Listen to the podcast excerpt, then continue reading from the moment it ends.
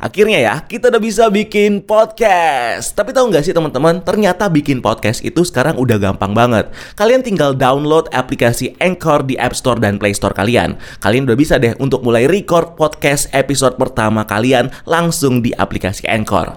Bahkan kalian juga bisa edit podcast kalian langsung loh. Di aplikasi Anchor, podcast kamu bakal didistribusikan ke podcast streaming platform seperti Spotify, Apple Podcast, dan masih banyak lagi. Dan yang pasti, gratis. So yuk download aplikasi Anchor di App Store dan Play Store kalian atau kunjungi www.anchor.fm. Selamat bikin podcast. Hey Scrolls, welcome to Breakdown Channel Universe.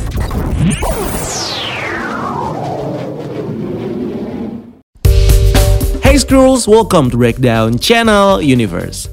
Bertepatan sama ulang tahunnya Simu Liu di hari Senin kemarin, film Shang-Chi and the Legend of the Ten Ring akhirnya merilis official teaser pertamanya yang banyak nunjukin kita dengan detail-detail baru, terutama dengan karakter villain seperti Razor Fist, Dead Dealer, dan juga The Mandarin yang bakal jadi musuh utama Shang-Chi di filmnya nanti. So kali ini kita bakal nge-breakdown official teaser film Shang-Chi and the Legend of the Ten Rings. So nggak usah lama-lama lagi, langsung kita bahas topik kita kali ini.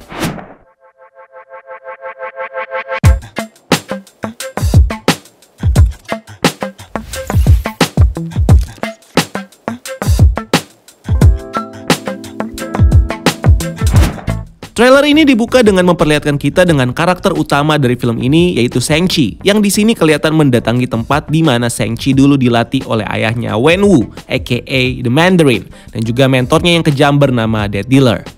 Di mana di sana Shang-Chi kemudian menemukan kayu tempat dia melatih kekuatan pukulannya dari masih kecil sampai dewasa. Dan hal ini sendiri merupakan salah satu tes umum dari para petarung kungfu yang ada di film-film seperti Kill Bill dan juga Fist of Fury yang menguji skill para petarung untuk memfokuskan seluruh energi mereka ke dalam satu kekuatan yang menghancurkan.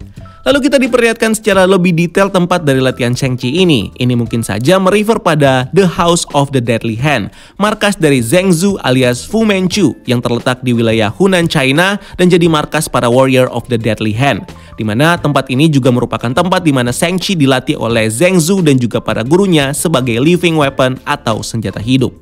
Selain itu, kalau kita lihat scene lainnya, kita juga ditunjukkan dengan sosok Senchi yang juga dilatih untuk meningkatkan ketahanan tubuhnya dengan dipukul pakai bambu dan juga belajar teknik pembunuhan yang dipraktekkan dengan mencoba membunuh salah satu ninja bawahan Mandarin. Di mana kalau kita lihat secara sekilas, ninja ini punya tampilan mirip dengan ninja The Hand yang muncul di series Daredevil dan juga The Defender. Dan bisa jadi ninja ini mungkin merupakan adaptasi dari Warrior of the Deadly Hand yang merupakan bawahan dari Zheng Zhu di versi komiknya. Nah, kali ini kita ngomongin soal Dead Dealer yang muncul sebagai mentor dari Shang-Chi di trailer ini. Kalau di versi komiknya, karakter yang satu ini diceritakan sebagai mantan agent dari MI6 bernama Li Qinglin yang kemudian bekerja untuk Fu Manchu sebagai pembunuh dan juga mata-mata pribadinya yang kalau di salah satu storyline pernah mengkhianati Shang-Chi dan juga Fa Lo Su dengan membawa mereka pulang ke markas Fu Manchu. Di mana kalau kita lihat scene lainnya di trailer ini, storyline yang sama sepertinya juga bakal terjadi di film ini dengan menunjukkan kita sosok Dead Dealer yang bakal bertarung dengan Shang-Chi dan membawanya pulang kepada Mandarin. Next scene kita kemudian bisa mendengar narasi dari ayah Shang-Chi dalam film ini yaitu Wen Wu alias Mandarin yang berkata kepada Shang-Chi kalau dia memberikan waktu 10 tahun kepada Shang-Chi untuk menjalani kehidupannya. Di mana setelah masa itu selesai, Shang-Chi harus kembali kepada Mandarin dan bekerja di bawah bayang-bayangnya. Nah, di trailer ini sendiri kita melihat Shang-Chi yang menghabiskan waktu 10 tahun yang diberikan kepadanya, di mana Shang-Chi di sini hidup secara sederhana dan bekerja sebagai valet parking di Hotel Fairmont San Francisco dan tinggal di sebuah apartemen satu kamar yang lebih mirip seperti garasi. Selain itu, meskipun Shang-Chi tidak lagi dilatih oleh Wen Wu dan juga mentornya Dead Dealer, di trailer ini sendiri kita bisa melihat Shang-Chi yang secara konsisten terus melatih fisiknya dengan melakukan olahraga push up di apartemennya. Dan selagi dia menjalani kehidupannya, Shang-Chi lalu berteman dengan seorang wanita bernama Katie yang diperankan oleh Aquafina, di mana sosok Katie di film ini sendiri digambarkan sebagai sahabat, partner kerja dan juga sidekick yang bakal membantu Shang-Chi nanti. Di mana di sini kita melihat Katie yang membantu Shang-Chi untuk menstop Beast dari kecelakaan saat Beast ini diserang oleh anak buah Mandarin yaitu Razor Fist yang bakal kita jelaskan secara lebih dalam di bagian lain di video ini. Katie di scene ini kelihatan mulai ragu dan mempertanyakan tentang siapa sebenarnya Seng-Chi karena keahlian dalam bela dirinya. Ini tandanya kalau selama 10 tahun Seng-Chi hidup di San Francisco, dia tidak pernah sekalipun mereveal identitasnya sebagai anak dari Mandarin dan tidak menunjukkan kekuatan bela dirinya, bahkan di depan sahabatnya.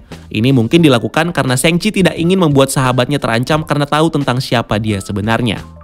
Berikutnya masih di scene yang sama. Kalau kita perhatikan secara detail, kita bisa menemukan easter eggs dari karakter yang pernah muncul di MCU sebelumnya. Seorang pria hitam gendut yang di film Spider-Man Homecoming menyuruh Spider-Man untuk melakukan backflip di atas gedung. Di mana di sini kita bisa melihat pria ini jadi salah satu penumpang dari bus yang berusaha untuk diselamatkan oleh Shang-Chi dan juga Katie di film ini. Lanjut di scene lainnya, kita kemudian bisa melihat karakter pria bernama John John yang diperankan oleh aktor Rooney Chieng, di mana di scene ini kita bisa melihat John John yang membawa Shang-Chi dan Katie ke sebuah klub malam yang mengadakan pertarungan cage fight. Selanjutnya di scene lainnya, kita kemudian bisa melihat Shang-Chi yang akhirnya ikut serta dalam pertarungan cage fight, di mana dalam pertarungan ini kita bisa melihat Shang-Chi yang kemudian bertarung dengan saudarinya Xiang Ling yang diperankan oleh aktris Menger Zhang di mana karakter ini sendiri merupakan adaptasi dari karakter Felu Su yang merupakan saudari dari Shang-Chi dan juga anak dari Fu Manchu di versi komiknya yang diceritakan sebagai pemimpin organisasi kriminal Oriental Expeditor dan juga director dari MI6. Selain itu, kalau kita perhatikan lebih detail ke dekat leher Xialing di sini, kita bisa melihat Xialing yang memiliki kalung yang serupa dengan milik Shang-Chi, yang menjadi tanda kalau Xialing adalah putri dari Mandarin dan juga saudari dari Shang-Chi. Dan karena di sini mereka adalah saudara kandung, maka bukan gak mungkin kalau Xialing di sini juga mendapatkan pelatihan yang sama seperti Shang-Chi dengan dilatih oleh Dead Dealer, di mana tujuan Mandarin melatih Shang-Chi begitu keras adalah supaya dia tidak gampang dibunuh oleh orang paling berbahaya di seluruh dunia. So, kalau Xialing mendapatkan pelatihan yang sama dengan Shang-Chi, maka ini tentunya bisa menjelaskan kenapa di trailer ini kita bisa melihat Xialing bisa mengimbangi dan juga menjatuhkan Shang-Chi dalam pertarungan cage fight. Atau bisa jadi kalung ini sendiri ternyata adalah kalung keluarga yang cuma ada satu di keluarga Mandarin, di mana ini merupakan tanda kalau pemilik dari kalung ini merupakan tangan kanan dari Mandarin saat dia memimpin organisasi Ten Ring. So, bisa jadi alasan kenapa Senchi di trailer ini tidak terlihat lagi memakai kalung yang sama saat dia dewasa adalah karena saat dia dewasa, Senchi diberikan kelonggaran oleh ayahnya untuk bisa hidup bebas selama 10 tahun yang membuatnya secara tidak langsung keluar sementara dari organisasi Ten Ring di mana saat Shang-Chi keluar, Mandarin kemudian menunjuk Xialing untuk menjadi pengganti dari Shang-Chi di Ten Ring, sehingga Mandarin bisa tetap punya tangan kanan yang bakal membantunya memimpin organisasi ini. Meskipun menurut rumor yang beredar, karakter Xialing sendiri nantinya bakal membantu Shang-Chi untuk mengalahkan ayahnya dan juga menghancurkan organisasi Ten Ring sampai musnah. Lalu kalau kita perhatikan secara lebih detail di scene ini, kita bisa melihat sekilas gambar shield Captain Amerika yang ada di belakang Shang-Chi. Dan mungkinkah ini jadi tanda kalau pemilik shield ini yaitu Falcon dan juga US Agent bakal join nantinya dalam pertarungan Shang-Chi? Who knows, nggak ada yang tahu. Mungkin ini cuma sekedar easter egg saja. Yo guys, akhirnya kita punya podcast sendiri nih setelah sekian lama ngepoin tentang dunia per podcastan ini. Eh tapi tahu nggak sih teman-teman, kalau ternyata buat podcast tuh gampang banget. Kelihatannya sih ribet ya, harus rekaman di studio lah, pakai alat yang ribet lah. Nah ternyata nih, kita cuma perlu download aplikasinya aja di App Store atau Play Store kalian, namanya Anchor. Kalian bisa mulai merekam podcast pertama langsung di aplikasi Anchor. Nggak cuman itu, kita juga bisa langsung ngedit podcast kita di aplikasinya. Nah, dari Anchor kita bisa distribusiin podcast kita ke streaming platform lainnya seperti Spotify, Apple Podcast, dan lain-lain. Dan yang penting nih, Anchor Podcast ini gratis. So, skuilah langsung download aplikasinya aja di App Store atau Play Store kalian. Atau bisa juga diakses di www.anchor.fm. So, selamat nge-podcast guys!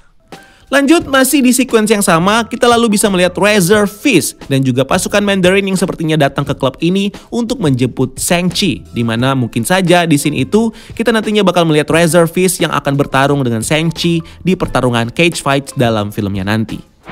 Nah, kalau di versi komiknya, Razor sendiri diceritakan sebagai seorang ahli bela diri yang kemudian jadi villain dan pembunuh bayaran yang disewa oleh Mandarin untuk membunuh Shang-Chi. Di mana villain yang satu ini dikenal dengan pedang di kedua tangannya yang digunakan oleh Razor sebagai senjata untuk membunuh setiap lawannya di mana ini juga terlihat diadaptasi di film ini dengan memperlihatkan Razor sebagai bawahan dari Mandarin yang memiliki pedang di salah satu lengannya sama seperti pertama kalinya Razor diperkenalkan di komik.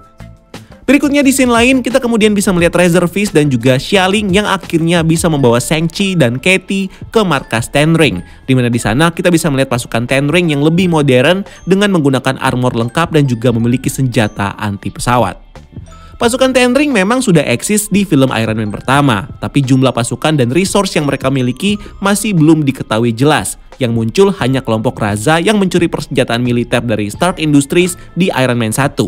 Bisa saja organisasi ini sudah besar sejak awal dan bergerak tanpa diketahui, atau baru berkembang setelah muncul di Iron Man pertama.